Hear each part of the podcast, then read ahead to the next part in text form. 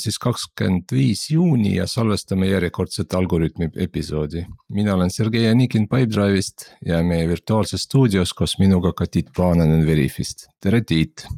tere, tere. kuidas su era-, eru-, eraelus läheb? kuule toredasti, et eh, just lugesin siin hiljuti ühte ajalooraamatut, mis on kirjutatud mitte eestlase poolt äh, praegu nime jään võlgu, aga, aga seal mainiti ära, et eestlasi kutsuti kunagi Venemaal eh, ja Eesti venelaste poolt tere tereks.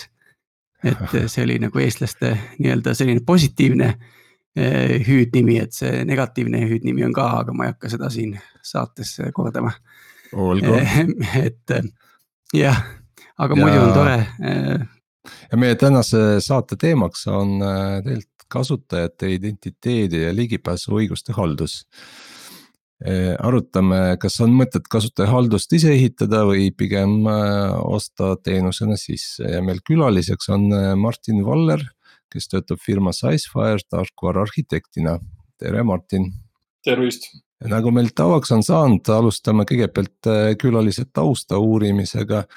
et Martin kui ma enne saadet vaatasin su profiili, selgus, et me oleme koos Hansapangas töötanud, et äh, võib-olla alustad Täpselt. sellest ajast, et. Äh, et mida oled seal teinud ja kuidas su karjäär nii-öelda edasi on edenenud? et jah, et mina alustasin siis Hansapangast, Swedbankist Java nooremarendajana ja, ja minu töö algas ütleme, finantsosakonna webmaster'ina põhimõtteliselt ja sealt ma liikusin edasi nooremarendajaks Java peale. et see, sellel hetkel oli maailmas siis need kaks valikut, et kas .NET või Java, et kummaga edasi minna.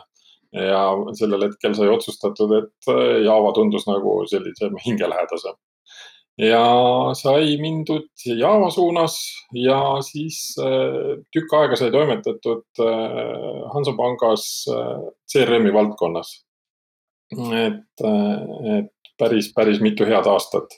et töötasin neli aastat seal põhitöökohaga ja pärast läbi veebmeedia sisseostetuna veel kolm aastat, et põhimõtteliselt seitse aastat on siis Swedbankis toimetatud ja sealt edasi sai liigutud erinevatesse valdkondadesse ehk siis kui nimetada mõningaid, siis ähm, teetoimetatoris sai äh, toimetatud Maksuametiga seoses, siis sai veebmeedias toimetatud mõnda aega.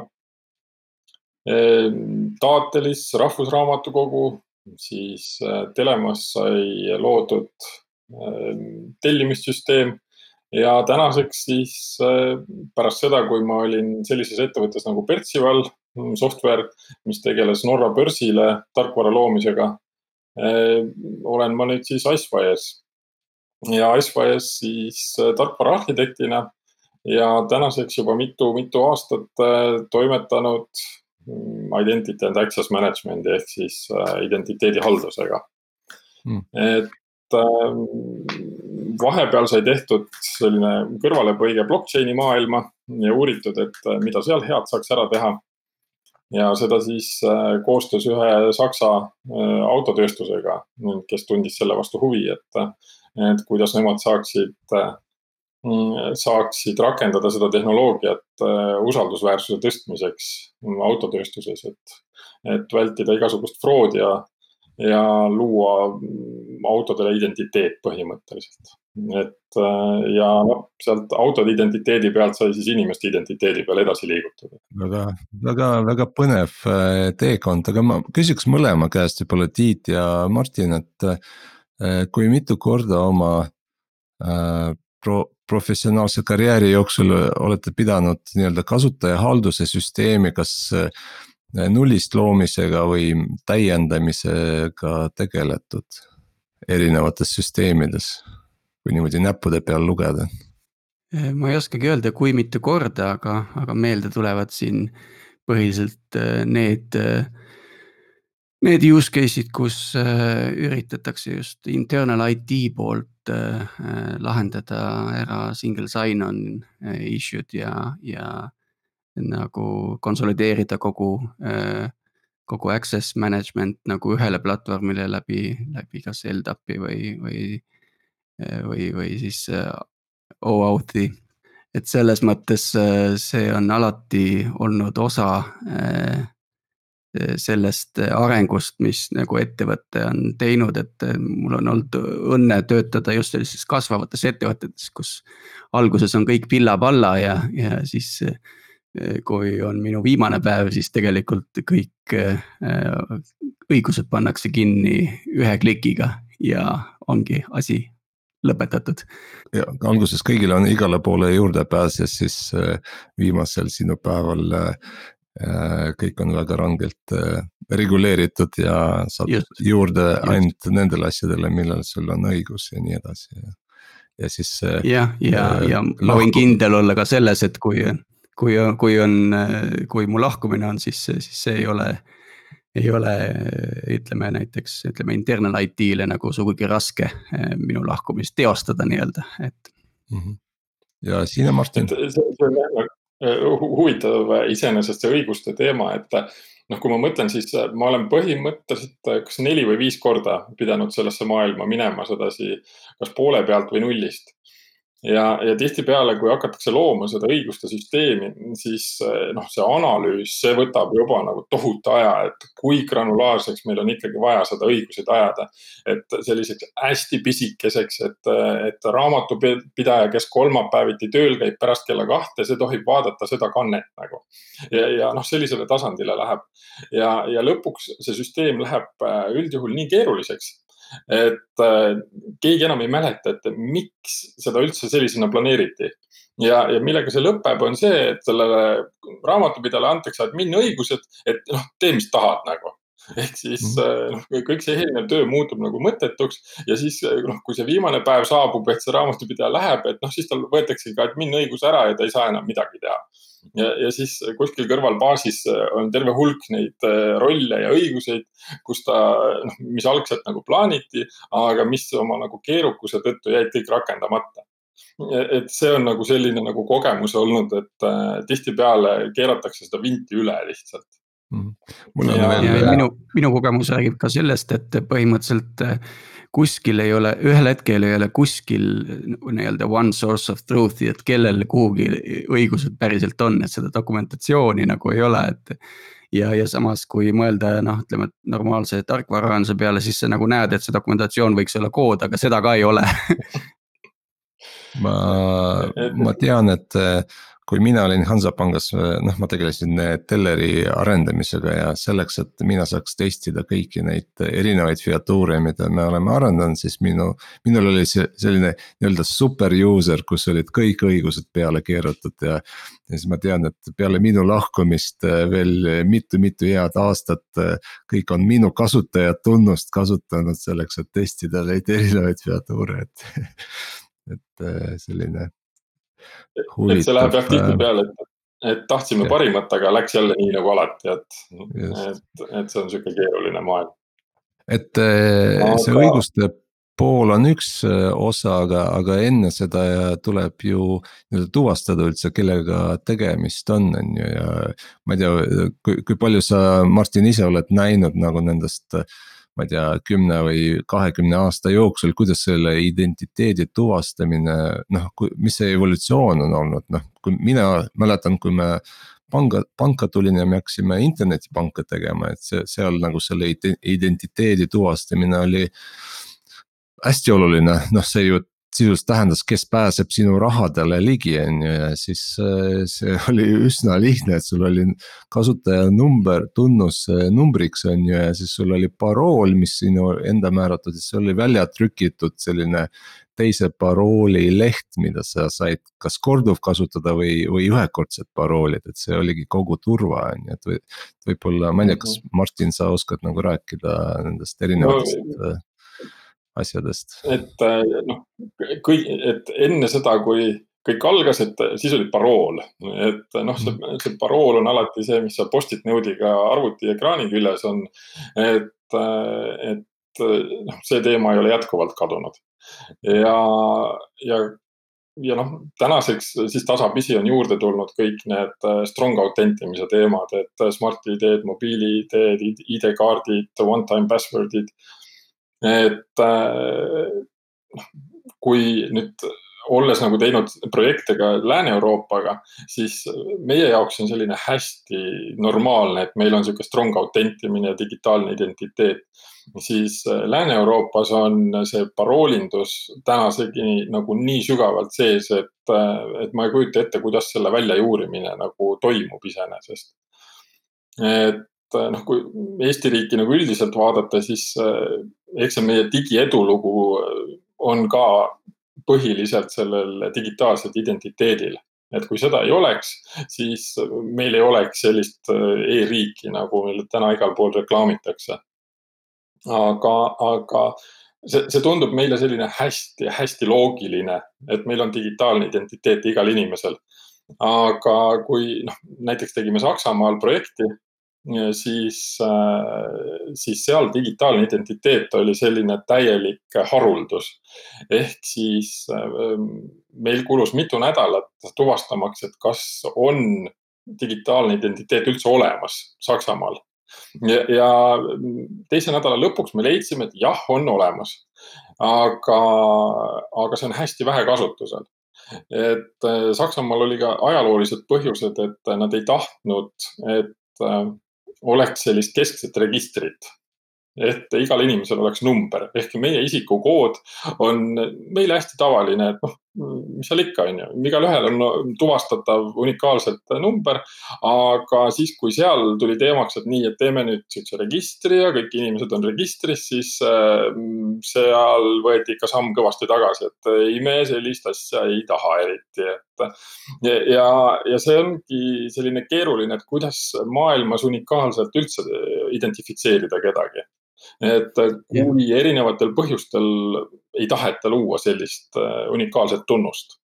ja siin ongi see dilemma ja osalt ka põhjus äh, selleks, miks Veriff eksisteerib, et et riigid on need, kes annavad meile identiteedi siis füüsilise dokumendi näol, mis selles riigis ja ka rahvusvaheliselt, kui on travel dokument, kehtib. aga väga vähesed riigid tegelikult haldavad seda digitaalset identiteeti üldse ja, ja siis nendes, nendes kohtades. praegu Veriff tuleb appi nii-öelda one time transaktsioonipõhise eh, digitaalse identiteedi loomisega. Eh, ehk siis põhimõtteliselt sinu füüsiline dokument saab selle transaktsiooniga seotud siis digitaalseks identiteediks, et. aga, aga see küsimus on endiselt lahtine, et kes ja kuidas hakkab seda globaalselt äh, tulevikus äh, haldama, neid digitaalseid identiteete.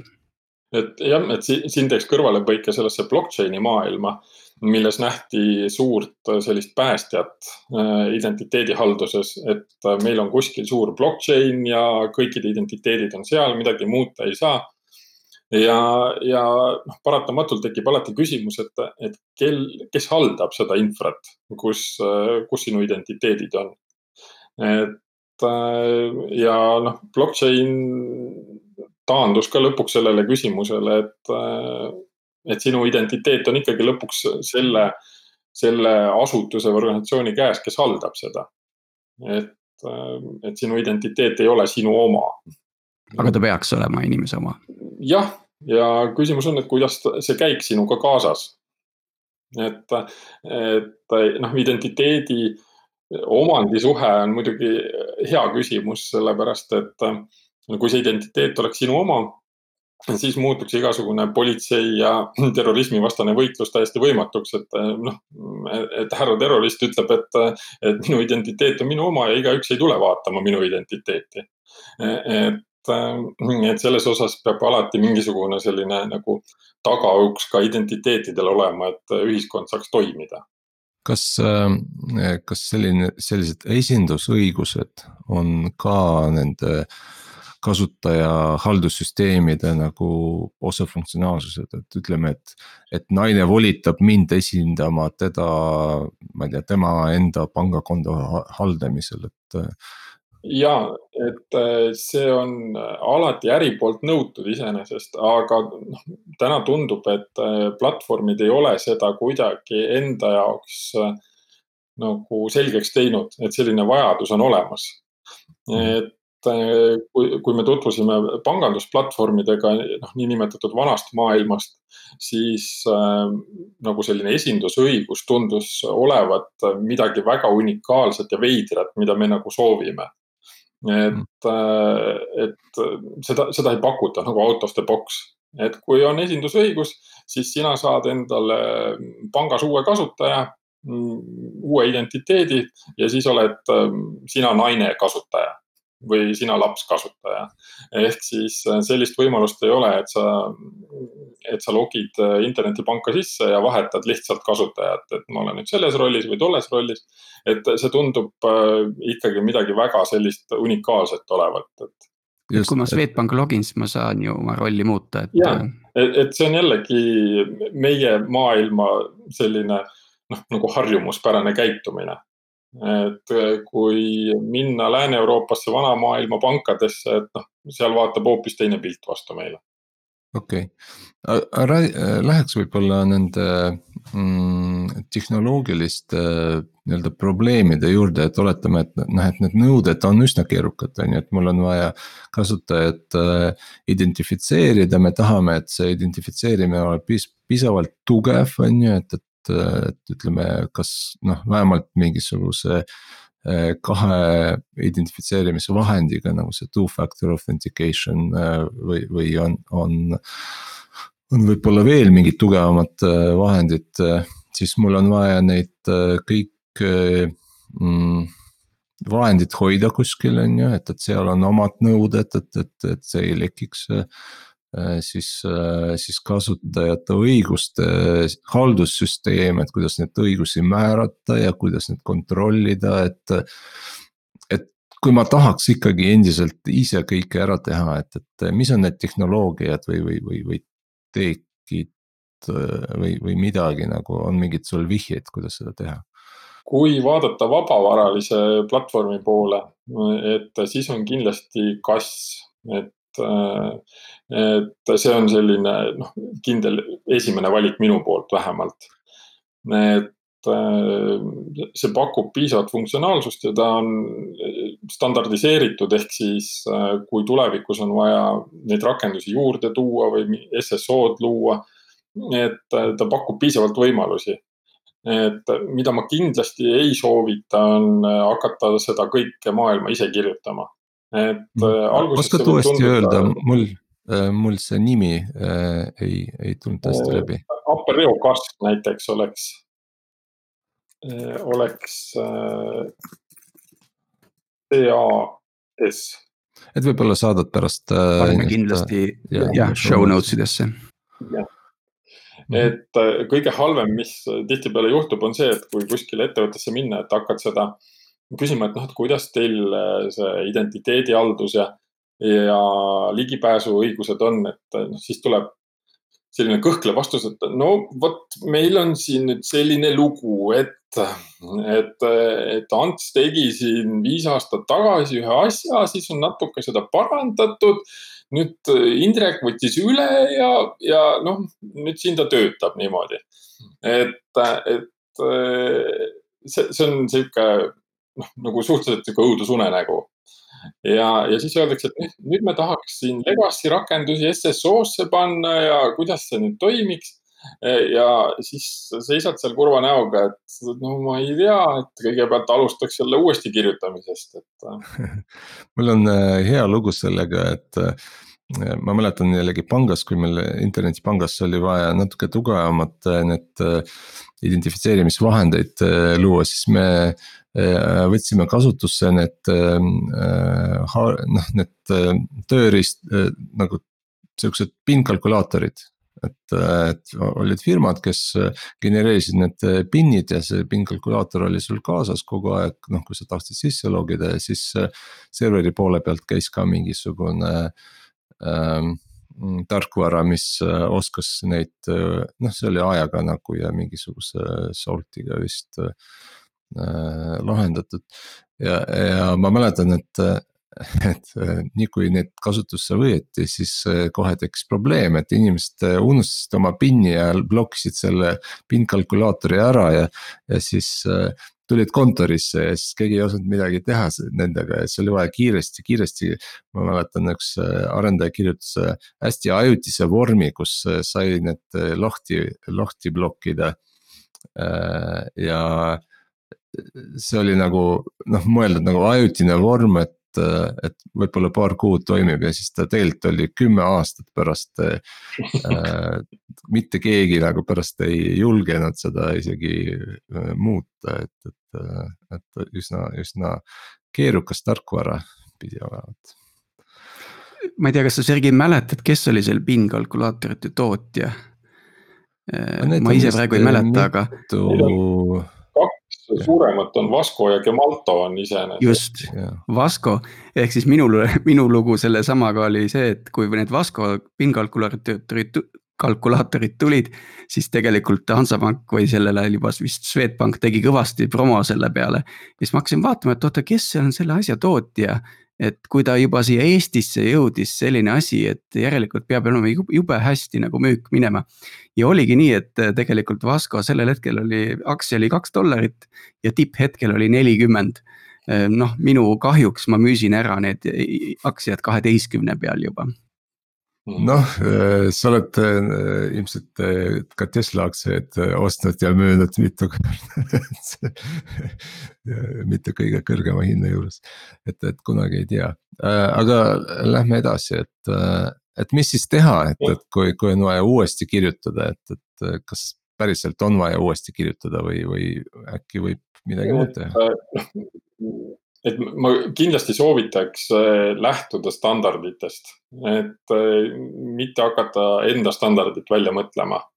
et äh, varem või hiljem nagu ettevõttes tekib see vajadus, et noh, on vaja näiteks mingi Microsofti tootega liidestada või mingi teise rakendusega liidestada ja, ja siis on tükk mõtlemist, et kuidas identiteet edasi anda kui on näiteks ähm, tänaseks kõige levinum OAuth kaks ja OpenID Connect kasutusel, siis äh, noh, hästi-hästi kerge on öelda, et okei okay,, see toode support ib äh, seda funktsionaalsust, meil on täpselt sama ja liidame kokku ja SSO loomine ei ole selles mõttes äh, keeruline et kindlasti tasuks äh, vaadata OAuth kaks ja OpenID Connecti spetsifikatsiooni ja see, see maailm endale vähe selgemaks teha, et kuidas see toimib. ja, ja vaadates tänaseid rakendusi, siis kõik uuemad toetavad seda mm, integratsiooni mõttes. Mm, vanemate rakenduste puhul on SAML, mis on selline arhailine, et Äh, kui tootja on üldse mõelnud mingi integratsiooni peale, siis äh, noh, SAML aegade algusest peale on alati nagu hädast välja aidanud. et, et need on need standardid, mida, mida võiks endale selgeks teha ja vaadata, et äh, kui integreerimiseks läheb, siis üks nendest vaatab alati vastu. kas, mis sa arvad, Martin, kas SSO võimalus tarkvaral on äh, põhiõigus kasutajal või see, selle eest äh, saab äh, näiteks lisaraha küsida?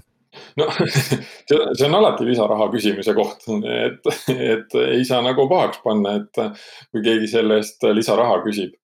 et meil oli ühe kliendiga juttu, et neil on mingisugune üle mitmesaja teenuse ja nad tahaks selle SSO-sse panna. ehk siis kui seda SSO-d ennast ei oleks, noh siis tähendab seda, et kasutaja tuleb hommikul tööle ja hakkab järjest sisse logima igale poole, kuhu saab nagu. et kui sa oled nagu kakskümmend sisse logimist ära teinud, et noh, siis sa saad aru, et sa nagu tahaks IT-le maksta, et ta selle SSO ikka püsti paneks, et. et samas noh, SSO on nagu tihtipeale räägitakse temast kui sisselogimise kontekstis, et ma olen kuskile sisse loginud. aga teine pool, mis jääb tihtipeale tähelepanuta, on, et äh, sa pead sealt ka välja minema. et äh, et kui sa logid ühest rakendusest välja, siis mis toimub, et kas sa logid ainult sellest rakendusest välja ja ülejäänud SSO jääb püsti või sa logid tervikuna SSO, SSO sessioonist välja, et revoke itakse kogu sessioon et, et see pool on alati, milleni varem või hiljem jõutakse, et see esimene võidurõõm, et noh, ma olen nüüd kahte rakendusse korraga sisse loginud, et noh, see on nii suur nagu, et ja pärast siis jõutakse selleni, et Dammit, et ma pean nüüd siit välja ka logima nagu, et ja, ja tihtipeale võib juhtuda, et seda välja logimise funktsionaalsust äh, vaikimisi isegi toodetes ei ole.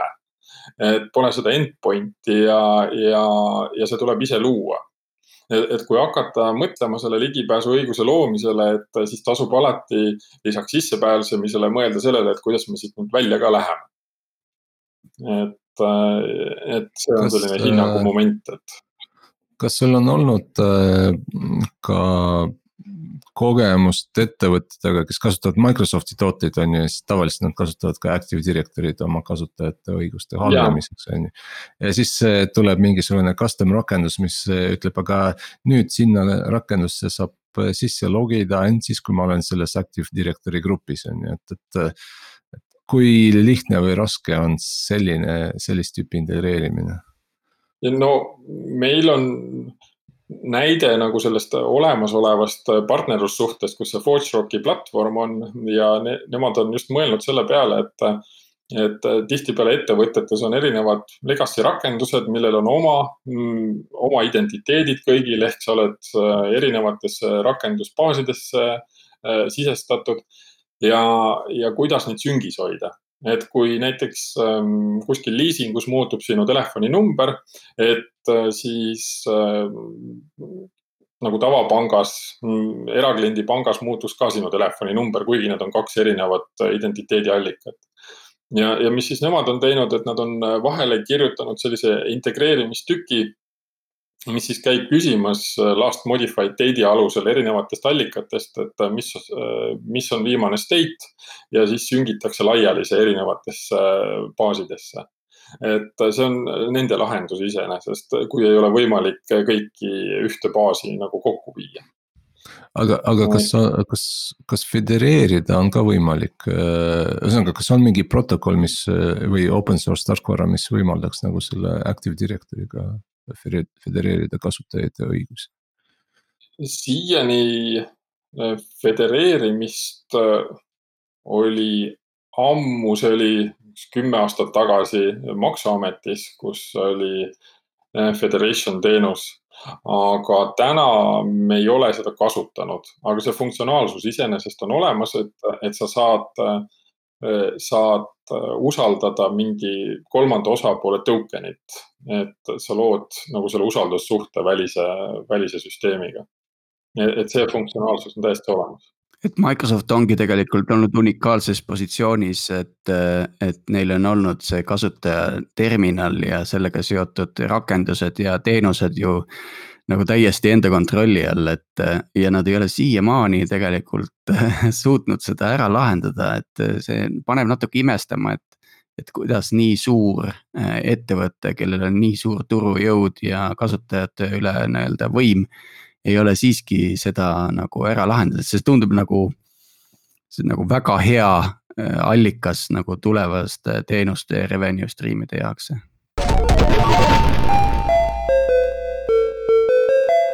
sa mainisid äh, Forge Rocki äh, või Forge Rock, täpselt hääldad seda, et enne kui me läheme nendesse erinevatesse platvormidesse, et võib-olla äh, räägiks veel mõnedest äh, standarditest, millest inimesed peaksid teadma, sa mainisid OAuth kaks on ju, OpenID äh,, SAML Äh, on veel midagi, Active Directory't me oleme maininud, SSO-d.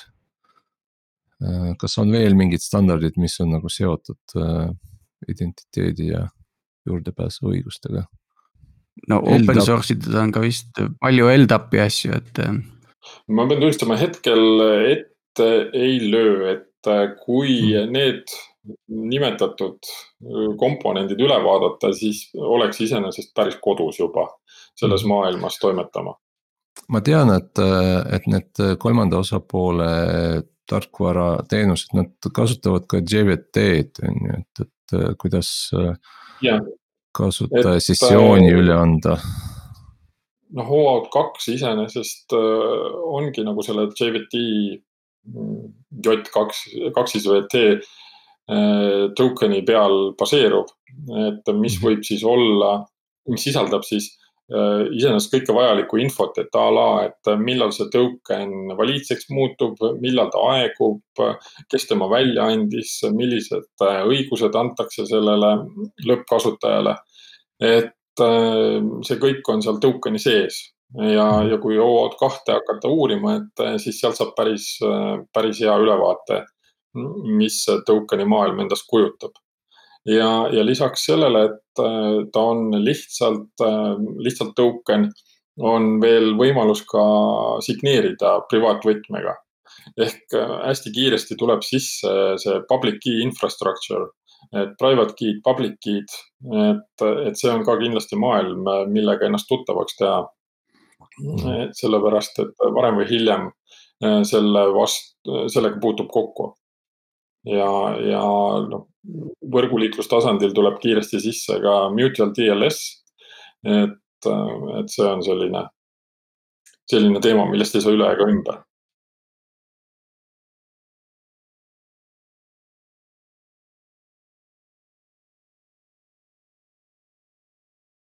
ja nüüd, kui me noh, oletame, et me, et me oleme müüdud, et, et äh, hakkame kasutama kolmanda osapoole teenust äh,.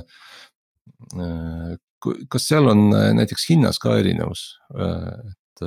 et seal on hinnas väga suur erinevus ja, ja kui minna kolmanda partei toodete peale siis äh, esimene küsimus on see, et kas on soov endale see püsti panna või kasutada pilveteenust sellepärast et äh, pakutakse nii mõlemat. ja ehk siis äh, SaaS-ina või siis sa võid ise selle on-prem'i panna püsti. Mhm. ja, ja üldjuhul, kui me sellist uuringut tegime, siis äh, need, kes pakkusid SaaS-ina, nende, nende hind oli praktiliselt poole võrra kallim. et noh, mis on selle poolest ka mõistetav, et et sa ei pea ise selle haldusega tegelema. noh, sa, sulle antakse praktiliselt kolm-neli endpoint'i ja, ja tulista vastu neid. Mhm. et, et mugavus maksab iseenesest aga samas eh, osa ettevõtteid võib-olla ei, ei julge nii-öelda eh, oma kasutajaid hoida kuskil, kus need noh, neil ei ole kontrolli üle selle nii-öelda storage'i üle et, äh, et see võib-olla on see argument, miks äh, võtta majja sisse äh, lahendus.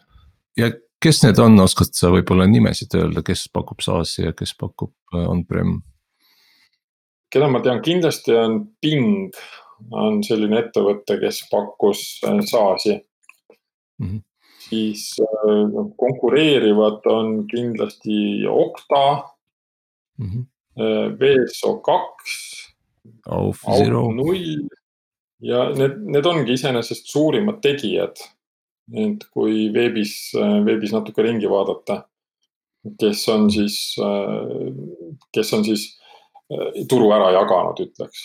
Et noh, millest äh, ei saa ka üle ega ümber tihtipeale on, et äh, tekib küsimus, et noh, kui mul ikka päris palju kasutajaid tuleb, et kas need süsteemid perform ivad.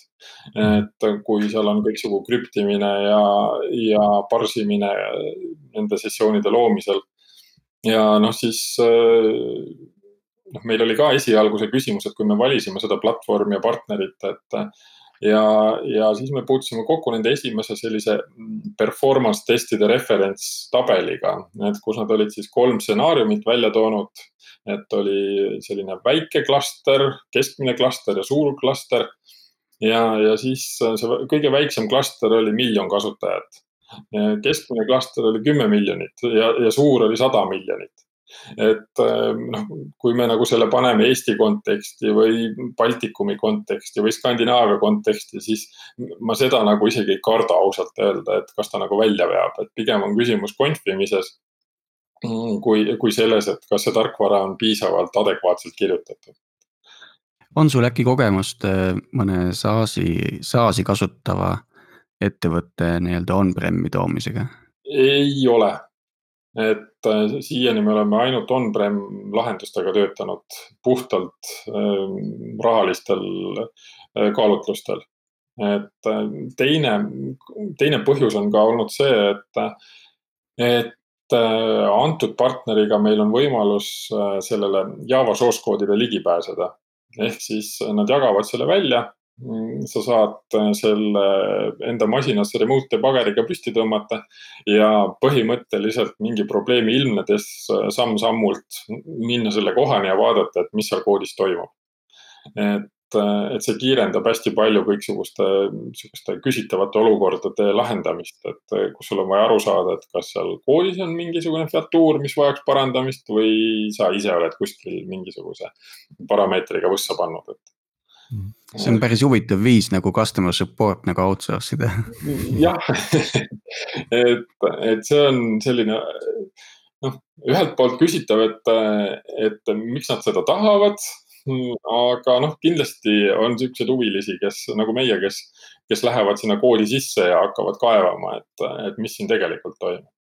oskad sa üldsõnades kirjeldada selle äh, flow äh, just SaaS-i mudeli puhul, et äh, noh, mul on vaja, et kasutaja registreeruks, on ju, ja ilmselt ta registreerub sinna kolmanda osapoole äh, tarkvarasse ja siis mina pean kuidagi teada saama, et näed, selline uus kasutaja on tulnud, on ju, kuidagi selle registreerimisinfo endale saada ja siis, kui ta logib sisse, siis samamoodi, et kuna identimismeetodid on seal kolmanda osapoole poole peal, on ju, et, et siis mina pean kuidagi saama, et nüüd see kasutaja on sisse loginud ja mis ta õigused on ja nii edasi, et kuidas.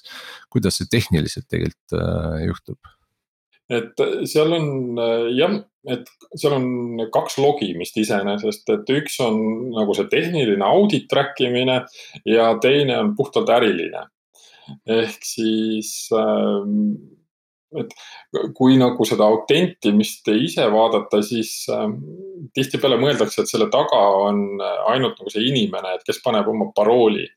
aga mida me, mida näiteks me oleme kasutanud, on see, et see rakendus, kes tahab ka toimetama hakata, et sellel on ka identiteet mm.. ehk siis, äh, et sellega me nagu väldiks seda, et keegi phish'iks neid kasutajate identiteete, et et, et praktikas näeb see välja, et kasutaja logib sisse, ühelt poolt tuleb see token, et kasutaja on nüüd sisse loginud. nüüd see token antakse sellele back-end rakendusele ja, ja see teeb omakorda oma credential itega päringu sinna identiteedi access management'i poole. et, et olla kindel, et, et õige rakendus küsis selle kasutaja nimel selle token'i et, et see, seal on nagu kaks poolt iseenesest, et ei ole alati ainult see, et kasutaja sisse logib. ja, ja kui keegi soovib selle kohta lähemalt lugeda, siis äh, see, see on OAuth kaks authorization code flow iseenesest, mis on päris, äh, päris populaarseks osutunud.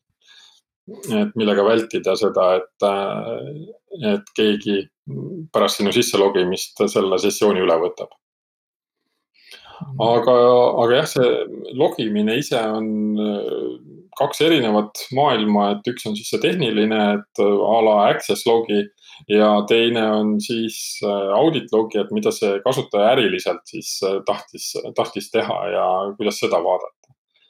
et mõlemad teemad on üldjuhul kaetud kõikide nende toodete poolt, et, et sa saad step by step vaadata, et mis seal sisemiselt siis toimus ja ja, ja kuhu ja kuidas ta tuli sinna. oskad võib-olla liht-, lihtsam, liht-, lihtsalt, lihtsa keel, lihtsas keeles äh, selgitada, et, et kuidas see tehniliselt toimub? Äh, jah, et see access logi on, et mis urli peale ta tuli, mis päringu ta tegi a la post-get, et mis ta sealt vastuseks sai. Ja, ja nagu see äriline audit logi oleks siis, et äh, nagu äri poolele, et vaadata millega see kasutaja tuli a la statistika mõttes, et, et ta tuli mobiili ID-ga sisse, tahtis vaadata oma konto jääki ja sai sellise vastuse.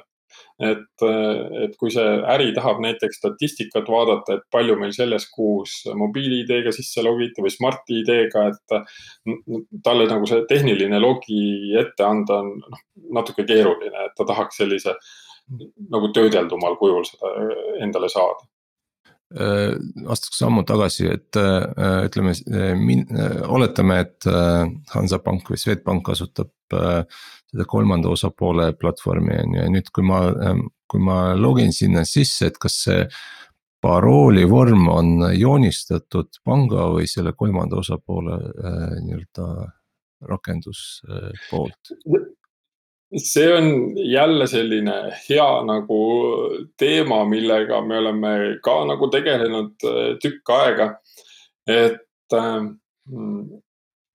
tihtipeale seal on äh, küsimus just disaini elementides ehk mhm. siis äh, äh, et kui kerge on seda kolmanda osapoole login screen'i muuta ja, ja kas mhm. seda tahetakse üldse kasutada okei okay,, aga oletame, oletame, et mina tahan oma disaini, see kolmas osapool ei ole piisavalt paindlik äh,. aga noh, andmed on ikkagi kolmanda osapoole pealt, et mina joonistan vormi, aga andmed lähevad siis äh, kuskil kolmanda osapoole URL-ile või? ja, et kuna see, need endpoint'id on äh, REST endpoint'id kõik mm. -hmm. ehk siis äh, sul on võimalus postida sinna peale ja jah, REST endpoint'id OAuth kaks kontekstis. et Samli puhul on Soap'i, Soap'i endpoint'id, et jah, miski ei takista iseenesest loomast seda, seda enda UI-d sinna ette. et mhm. see on isegi soovitatav, et peita ära nii palju kui võimalik see taga olev autentimislahendus. et, et see on jah võib teha põhimõtteliselt kahte moodi, et luua enda ui, mis kutsub välja selle platvormi endpoint'e või siis kasutada out of the box mm, seda ui-d. kas selle kolmanda osapoole endpoint'e sa kutsud otse brauserist, front-end'ist või sa saadad enda back-end'i ja back-end siis kasutab neid endpoint'e? see on ka sihuke eelistuse küsimus, et mm. täna me oleme teinud läheb back-end'i ja back-end teeb neid äh, väljakutseid mm. -hmm. ja mida ta vastu saab? Äh, vastu saab token'i või authorization code'i ehk siis seal tulevadki juba JSON-i token'id mängu mm. -hmm. ta saab token'i ja. ja siis, kas ta peab selle token'i panema kasutaja sessiooni, et iga päringuga see token oleks kaasas? ja, ja, ja see token ongi see, see kõige, kõige olulisem äh, teema, mis ei tohi kuidagi rändama minna. ehk mhm. siis, kui kasutaja on sisse loginud, ta saab selle token'i ja, ja see peab nii peidus olema kui vähegi võimalik, sellepärast kui keegi suudab selle kätte saada, siis, äh, siis ta saab selle kasutaja nimel kõikidele API-dele ligi ja mis see siis, koht, äh, mis see koht on, kus, kus seda hoida peidus? meil on back-end, back-end mm. -hmm. et back-end'is on see. aga on kuidagi te, kuidagi te peate iga brauseri päringu ju selle back-end'i token'iga siis seostama. ja, et äh, selle jaoks on eraldi sessiooni idee siis mm. -hmm. et, et see on siis brauseri mälus cookie'na ja siis see yeah selle kaudu, aga, aga nüüd äh,. mis juhul on vaja uuesti selle kolmanda osapoolega suhelda, et kas. et kas need õigused, mis selle token'iga kaasnevad, kas need on kuidagi äh, token'i sees või, või need tuleb iga kord uuesti küsida? see on äh, kaks erinevat varianti on, on stateless ja stateful token'id, et mm. stateless on siis äh, või stateful ja stateless sessioonid, ütleme nii, et ähm, üks variant on, et äh, token on selline self-sufficient ehk siis ta sisaldab kõike informatsiooni, mis, äh, mis API-d tahaksid nagu küsida või uurida. ja teine variant, et ta, ta on äh, random string ja API-d saavad siis selle platvormi enda käest selle random string'i alusel küsida, küsida seda infot, et, et millised on kasutaja õigused et mhm. see on üldjuhul konfitav ja, ja sõltub, et, et kuidas seda rakendust tahetakse kirjutada. kas nendel SaaS-i pakkujatel kõigil on see featuur olemas, et sa saad äh, nii-öelda oma rakenduse õiguste boundary'd seal ära defineerida? ma tean, et Google Suite'il on see küll olemas. Organization unit ite kaudu, aga. et jah, see OAuth kaks token üldjuhul sisaldabki neid rolle ehk siis skoobi nime all, et mida see kasutaja võib teha, et. et see on konfitav nagu selle admin liidese kaudu. ja kui äh, sessiooni käigus näiteks minu rollid muutuvad. et kuidas äh, see rakendus saab teada, et, et nüüd on vaja uut token'it või, või kuidas nagu toimetada? et siis oleks jah, siis on kaks varianti põhimõtteliselt, et äh, üks variant on see, et kui muudetakse õiguseid, et siis see platvorm ise revoke ib äh, olemasolevad token'id. või siis äh, teine variant on, et see et kui neid muudetakse seal admin liideses, et see admin liides ise revoke ib enda sisemiselt või siis äh, väljaspoolt muutev rakendus kutsub välja seda endpoint'i, et kuule, et nüüd sa peaksid revoke ima kõik selle kasutaja token'id. et, äh, et või noh, kolmas variant on see, et oodata lihtsalt, et millal need token'id aeguvad ja mm, -hmm. ja siis kasutaja peab uuesti sisse logima kui, kui pikad tavaliselt need sessioonid on, kui me räägime stateful äh, token itest? et äh, see sõltub, noh, ta võib olla noh, token itest ise nagu rääkides, siis äh, token'id jaotuvad refresh token'iks ja access token'ist, et kui me OAuth kontekstis räägime. et kui kasutaja sisse logib, siis ta saab kaks, kaks ligipääsu token'it ütleks. üks on refresh token ja teine on access token ja access token on see, mis, mida liigutatakse iga nagu selle API kooliga kaasa mm. -hmm. ja, ja selle kestvusaeg on lühem, kuna ta liigub kogu aeg edasi-tagasi ja see oht, et ta võib sealt vahepealt kuskile rändama minna, on suurem. ja teine on siis refresh token, mis, millega saab uuendada aegunud Äh, access token'it. ehk siis mhm. kui see access token äh, kehtivus on lõppenud, siis sa saad serverist vastu, et okei okay,, see on invalid token. ja selle peale peaks back-end võtma refresh token'i ja ütlema, et okei okay,, see on aegunud, aga mul on siin üks refresh token ja ma küsin nüüd hoopis nagu uued äh, access token'id.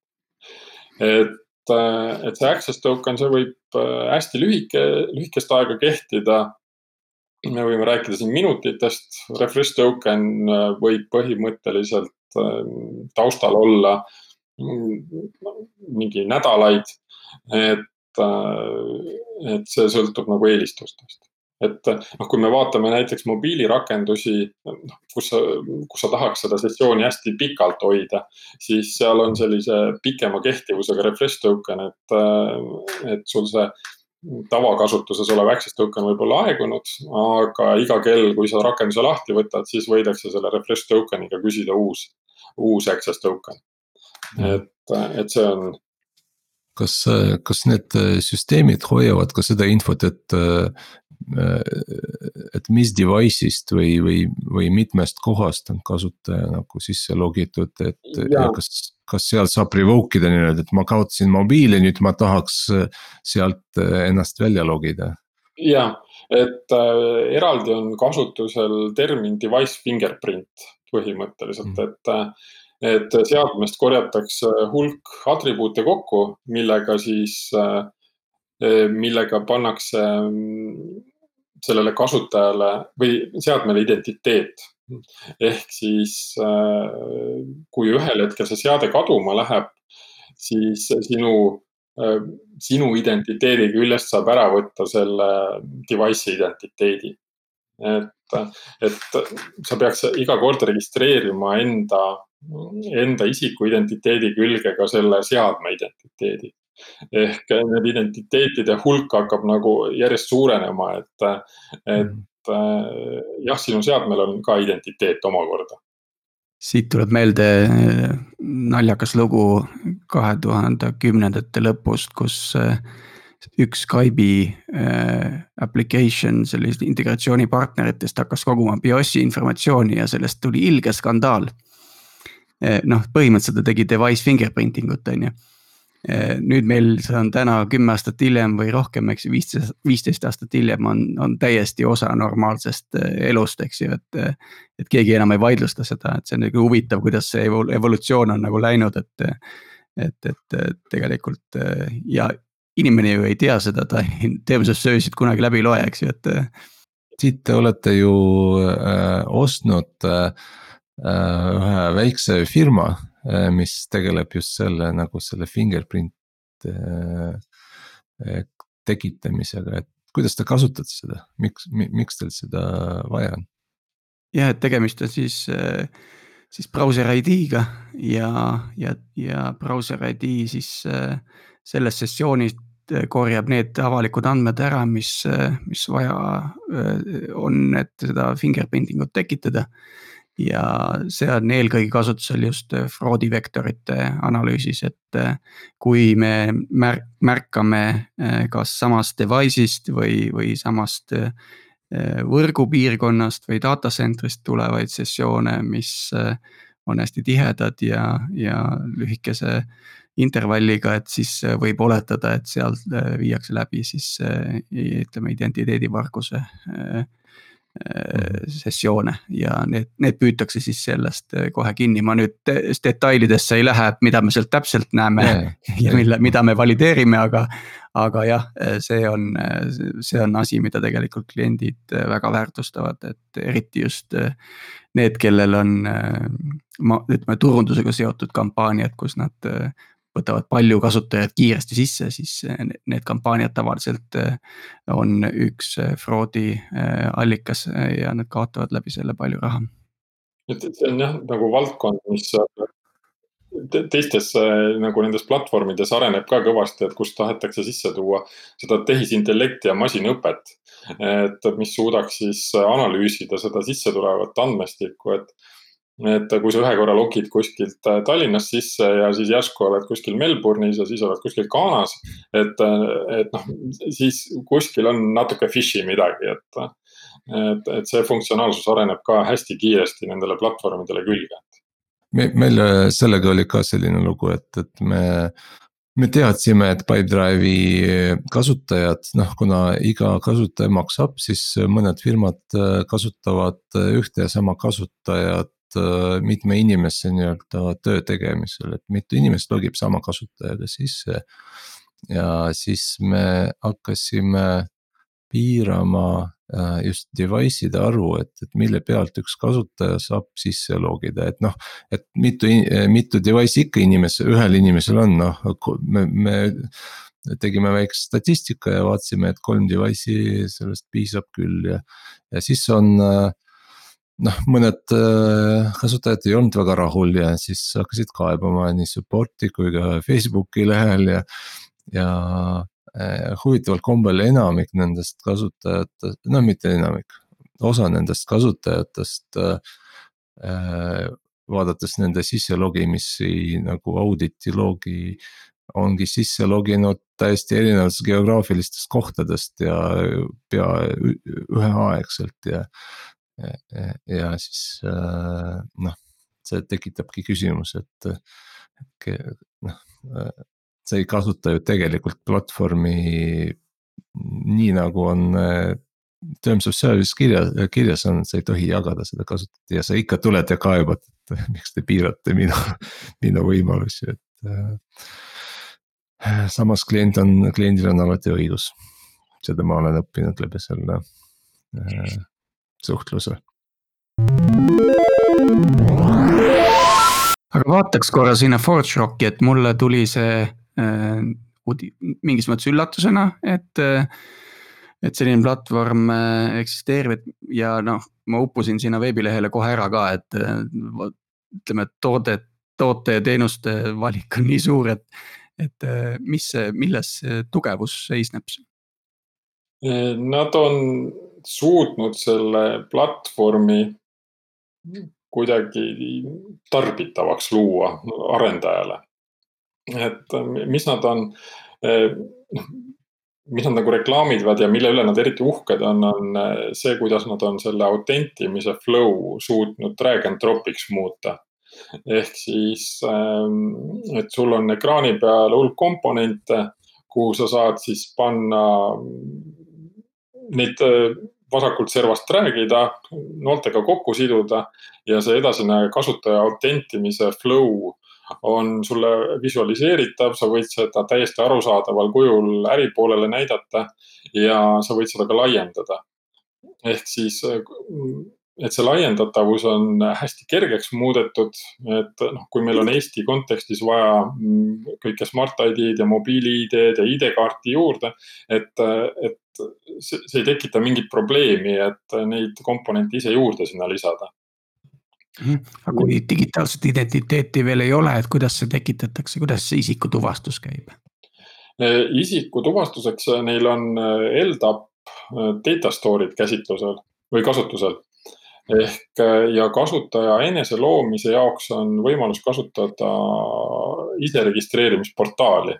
ehk kasutaja tuleb sisse ja täidab oma andmed ära ja siis keegi peab kinnitama ja siis see kasutaja identiteet on loodud põhimõtteliselt. mis neil varemalt on hästi palju või millele on tähelepanu pööratud, on kõiksugused parooli aegumised ja kõik sellised nagu vana maailma teemad, et noh, millega meil ei ole siin täna nagu mitte midagi peale hakata. et Äh, samas järjest rohkem tuleb sisse kõik one-time password'ide teemat, et neil on enda rakendus mobiilis, sa saad selle implementeerida, integreerida enda lahendusega. et, et see on sihuke hästi tugev neil iseenesest ja siis mulle tundub, et neil ikkagi oleks vaja Veriffi seal iseteenindusportaali peal, et see isikutuvastus ära teha no nad oleks väga teretulnud ja nõus sellega, et mm, -hmm. et nad olid väga huvitatud, et SK näiteks äh, oma Smart-ID maailma sinna, sinna laiendaks, et kui SK äh, platvormi on iseenesest kasutusele võetud Islandil mm, ja, ja mujal maailmas, et et kui neil oleks pakkuda, neil on ise selliste extension ite marketplace iseenesest, et kus, kuhu ettevõtted, kes tahavad pakkuda nende platvormi integratsiooni, saavad kirjutada selle plugi'na ja selle sinna üles panna, et kui tuleb ettevõte, kes tahab äh, seda kasutusele võtta, siis põhimõtteliselt ta saab sealt alla laadida ja selle extension'i endale sinna rakendusse panna. Et ma arvan, nad oleks Veriffist äh, raudselt huvitatud, et, et integratsiooni mõttes kui sa, kui sa ütled, et te olete nende partnerid, mis see tegelikult tähendab? meie oleme nende delivery partnerid, et mm. Baltikumi regioonis, et kui kellelgi tekib huvi seda kasutusele võtta, siis nemad ise seda implementatsiooniteenust ei paku. ehk nemad müüvad litsentsi ja support'i ja, ja annavad selle värske kliendi siis ühele enda delivery partneritesse üle, et. et mm -hmm. selle jaoks on vaja, et oleks nende poolt äh, sertifitseeritud, akrediteeritud inimesed, kes on siis vastavad eksamid teinud ja. ja, ja nemad siis vastutavad selle platvormi püstipaneku eest. et vastavalt siis selle vendori, vendori näpunäidetele ja, ja soovitustele ja siin äh, Eestis või Baltikumis on, on juba äh, mitu implementatsiooni või, või kuidas teil läheb sellega? hetkel äh, on, üks on kohe minemas ja teisega hakkab läbirääkimised mhm. kohe pihta, et, et kuidas nendega edasi toimetada.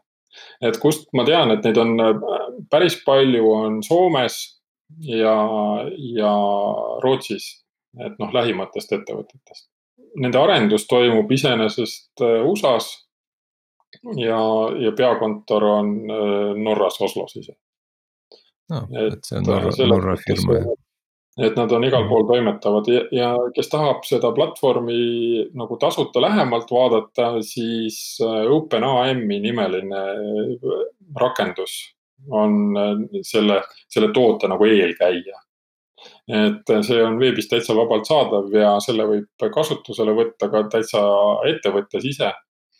et äh, see on selline, äh, selline toorem versioon tänasest ärilisest äh, rakendusest.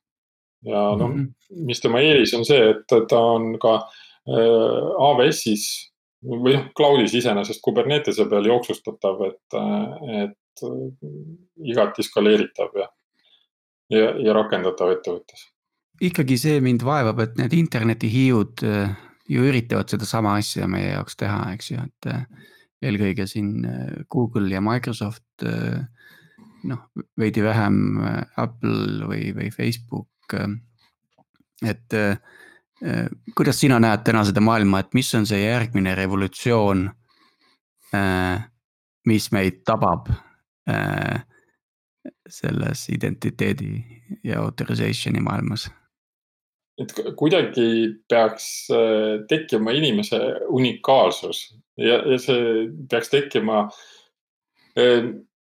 millegil prognoosimatul, ma ütleks täna sellepärast, et noh, kõik on iseenesest äh, võltsitav, noh, mis täna kasutusel on. et äh, ja, ja see on küll tagasipõige blockchain'i teemasse, siis äh, seal oli täpselt sama küsimus, et kuidas tagada füüsilisele objektile tema unikaalsuse identiteet. ja, ja, ja täna selle jaoks iseenesest mingisugust lahendust ei ole, mis oleks võltsimatu. et et selles osas eh, ei oska nagu prognoosida, aga kindlasti vajadus selle järgi tekib, mida suuremaks arvutusvõimsus eh, läheb ja mida lähemale nagu see kvant, eh, kvantarvutite maailm tuleb, siis tekib vajadus millegi veelgi unikaalsema järgi, kui see tänane, tänane maailm on mm. -hmm. et mulle tundub, siin on nagu kaks teed, et üks on see, et et see isiku unikaalsus on nii hästi kuidagi kaitstud, et ta muutub võltsimatuks versus see, et isiku unikaalsus on nii kergesti tuvastatav suvalises stsenaariumis, et seda on võimatu võltsida. et ühesõnaga nagu me lihtsalt palume isikut tuvastada ennast kogu aeg igal sekundil uuesti justkui et ja. et ja siis iga, iga see sessioon, mis sellel sekundil saadetakse, on unikaalne ja kindlustab selle perioodi jooksul, mis on hästi lühike, äh, selle nii-öelda transaktsiooni valiidsuse et noh, alati on ka kolmas tee, et see on selline optimistlik, positiivne inimkonda usku. et, et meil, me usumegi, et kui inimene tuleb ja ütleb, et tema on see, siis me usume, et tema on see ja keegi ei valeta ehk siis eh, seda me saame kindlustada läbi sanktsioonide, et, eh, et tal ja. on lihtsalt väga, väga suur hirm valetada. kas, kas see oli Islandil või kuskil oli, oligi äh, kas maksude deklareerimine niimoodi, et sa lihtsalt täitsid äh,, panid ümbrikusse oma maksud ja panid äh, selle tax authority postkasti ja, ja sellega olid nagu tehtud, et seal midagi muud ei olnudki vaja, et kõik uskusid, et see olid sina, kes deklareerisid oma maksusid ma siia lõppu viskaks veel huvitava arengu sellest aastast, et äh, siin Silicon Graphicsi ja Netscape'i founder'id äh, juba vanad kalad nii-öelda äh, on loonud sellise ettevõtte nagu Beyond Identity, et Martin, kas sa oled kuulnud sellest? ei ole. ahah, et siin põhimõtteliselt lubadus on ikkagi password'id põhimõtteliselt elimineerida okei okay.. jah, et, et äh, see on saanud ka väga tugeva äh, nii-öelda VC backing'u ehk siis siin on äh, Kleiner Perkins ja, ja tugevad tehnoloogiapartnerid, et äh, oli nagu põrutav uudis siin selle aasta äh, aprillikuust, et äh, tõstsid just kolmkümmend miljonit äh, daala. et mhm. noh, kui Eesti konteksti minna, siis Eesti e-residentsus iseenesest lahendaks äh, kogu noh, maailma või pakuks iseenesest võimalust kogu maailma identiteeti ära lahendada. ehk meil oleks suur register, kus on kõiki inimeste identiteedid, me pakume neile sisse logimist.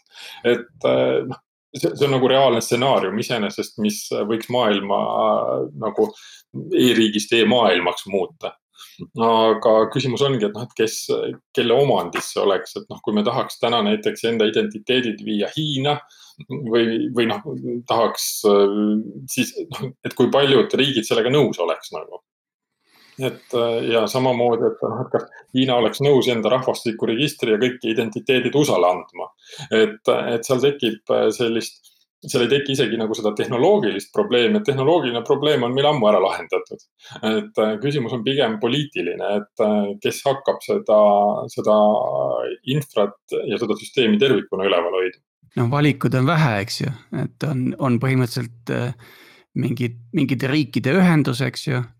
või siis mingisugune suur korporatsioon, eks ju, mida tõenäoliselt ei lasta juhtuda, eks. aga võib-olla ma ei tea ma ei ole ise küll kuulnud, aga võib-olla Martin, sina tead, kas mingisugune community approach võiks siin ka töötada?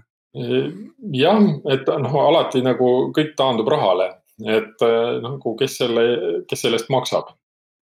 et ja, ja see ongi kõige, kõige keerulisem küsimus, et kuskohast seda infot hallatakse, et noh, et ütleme, et ühel hetkel see community laguneb ära, et ah, me ei viitsi sellega enam tegeleda. ja, ja siis järsku on nagu kõik need äh, identiteedid kaotsi läinud lihtsalt. et äh, aga jah, et need ident-. et globaalne MTÜ ei tööta. jah, et, äh, et identiteet muutub järjest selles mõttes keerulisemaks, et et, et üks, üks naljakas koht oli äh, autotootjatel, et, et äh, noh, neil on ka terve hulk sinu identiteeti. et me, me nagu ei mõtle selle peale, aga iga kord, kui auto käib teeninduses, siis äh, sealt laetakse see, et kui raske jalaga sa oled. Mm, noh, mida sa seal autoroolis teed, näiteks üks, üks teema, mis läks selliste terviseandmete hulka, et noh, kui sa istme peal istud, siis turvavööd kinni ei pane, siis hakkab signaal tööle nagu siis, aga sellega nagu auto teab, palju sina kaalud ehk siis äh, sellel autotootjal on reaalselt info, kuidas sinu kaal käib üles-alla põhimõtteliselt. ja nüüd on küsimus, et kas, äh, noh, et see on ka identiteedi osa, et kui sa autot ostad, siis põhimõtteliselt, kas, äh, kas sa nagu annad allkirja ka selle kohta, et, et see autotootja teab, mis on sinu tervisenäitajad nagu.